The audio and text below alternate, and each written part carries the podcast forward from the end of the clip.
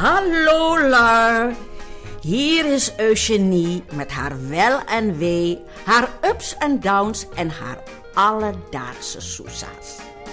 Luister ja. Deze keer wil ik het met jullie hebben over het woordje kumpulan. Het wordt in de Indo-wereld vaak gebruikt, toch? En meestal in positieve zin, want je verbindt het dan meteen aan het gezellig met elkaar verkeren op een vooraf afgesproken plek waar je dan samenkomt en elkaar ontmoet.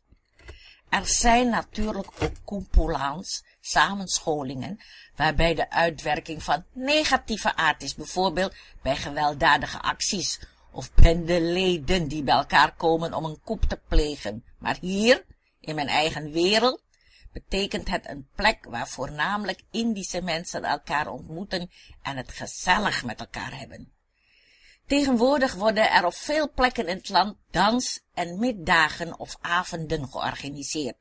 Meestal neemt de leider van een Indo-band het initiatief. Hij spreekt af met de eigenaar van een café of restaurant of uitspanning dat hij op een middag of avond de muziek verzorgt.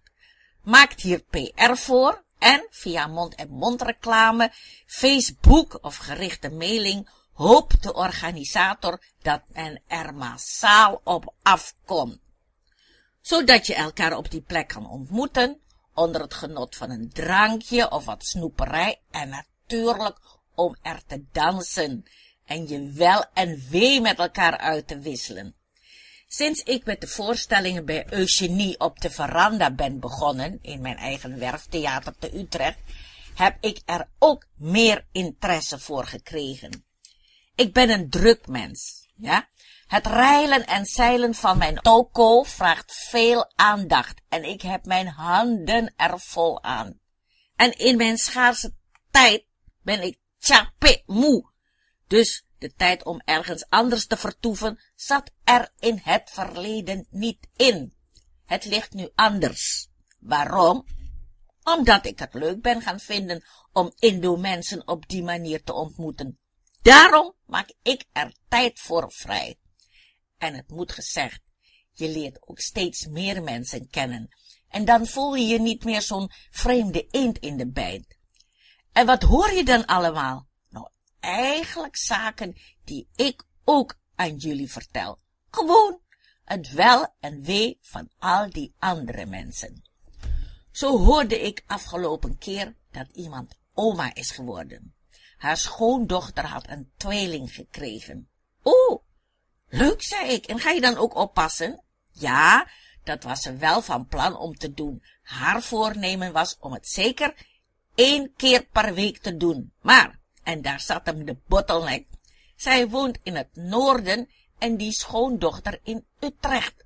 Dus dat werd dan wel veel heen en weer reizen. En toen zei ze met spijt in haar stem, dus wij zijn van plan om naar het midden van het land te verhuizen. Het is alleen zo jammer dat ik mijn mooie huis moet verkopen. Ik zal nooit meer zo'n fijn huis ervoor terugkrijgen, zei ze. En terwijl ze mij dat vertelde, kwam een kennis haar uitbundig begroeten. Toen dame 1, met wie ik sprak, haar vroeg hoe het met haar ging, zei dame 2 op haar beurt weer, ja, wel goed, alleen mijn zoon is gescheiden, hij woont nu bij mij, en dat snap ik niet, want hij heeft zo'n lieve vrouw. Waar, waarom is hij toch van haar gaan scheiden? En toen ik mij ongevraagd erbij inmengde en haar vroeg, maar mevrouw, waarom vraagt u dat niet aan uw zoon wat de reden is? Antwoordde zij, ja, dat durf ik eigenlijk niet te vragen. Ondertussen kondigde zich een nieuw stel aan. Zij waren net gearriveerd. Er werd gegroet, er werd gezoend en dame drie vertelde ons omstandig dat zij zo laat waren, omdat de trein drie uur vertraging had. Daar liep, daarna liepen zij weer weg om andere kennissen te begroeten. Lui, zo heb ik op die middag nog vernomen dat de teller van Indo Radio op 90.000 luisteraars stond, omdat James Reeve op de radio werd gespeeld en kennelijk veel mensen dat mooi vonden. Ik heb gehoord dat iemand ziek was en daarom niet aanwezig kon zijn. Dat de basgitarist een nieuwe vriendin had. dat iemand zes kilo was afgevallen en dat er op diezelfde middag nog minstens vier andere uitspanningen waren waar ook zo'n koempoelan was. Heb ik een aangename middag gehad? Ja. Ja, ik heb een leuke middag gehad. Waarom? Omdat ik onder mijn gelijken was. En dat voelde als een warm bad. Al die mededelingen, ja, al die sores, al die ongemakken, al die confidenties. Ik lig er heus niet wakker van. Maar je hoort het aan. Je luistert en je voelt met ze mee. En het zijn ook nog eens aardige mensen die het je vertellen. Ze nemen je in vertrouwen. En dat, lui, dat is toch het wezen van de mens. hè? De essentie van ons bestaan. Het sociaal met elkaar omgaan. Afkomst, kleur, status, dikte van de portemonnee, het maakt niet uit. We zijn op zo'n koempelon gelijk aan elkaar. En wij hebben de ander nodig. Al was het alleen maar om je te bevestigen dat je bestaat.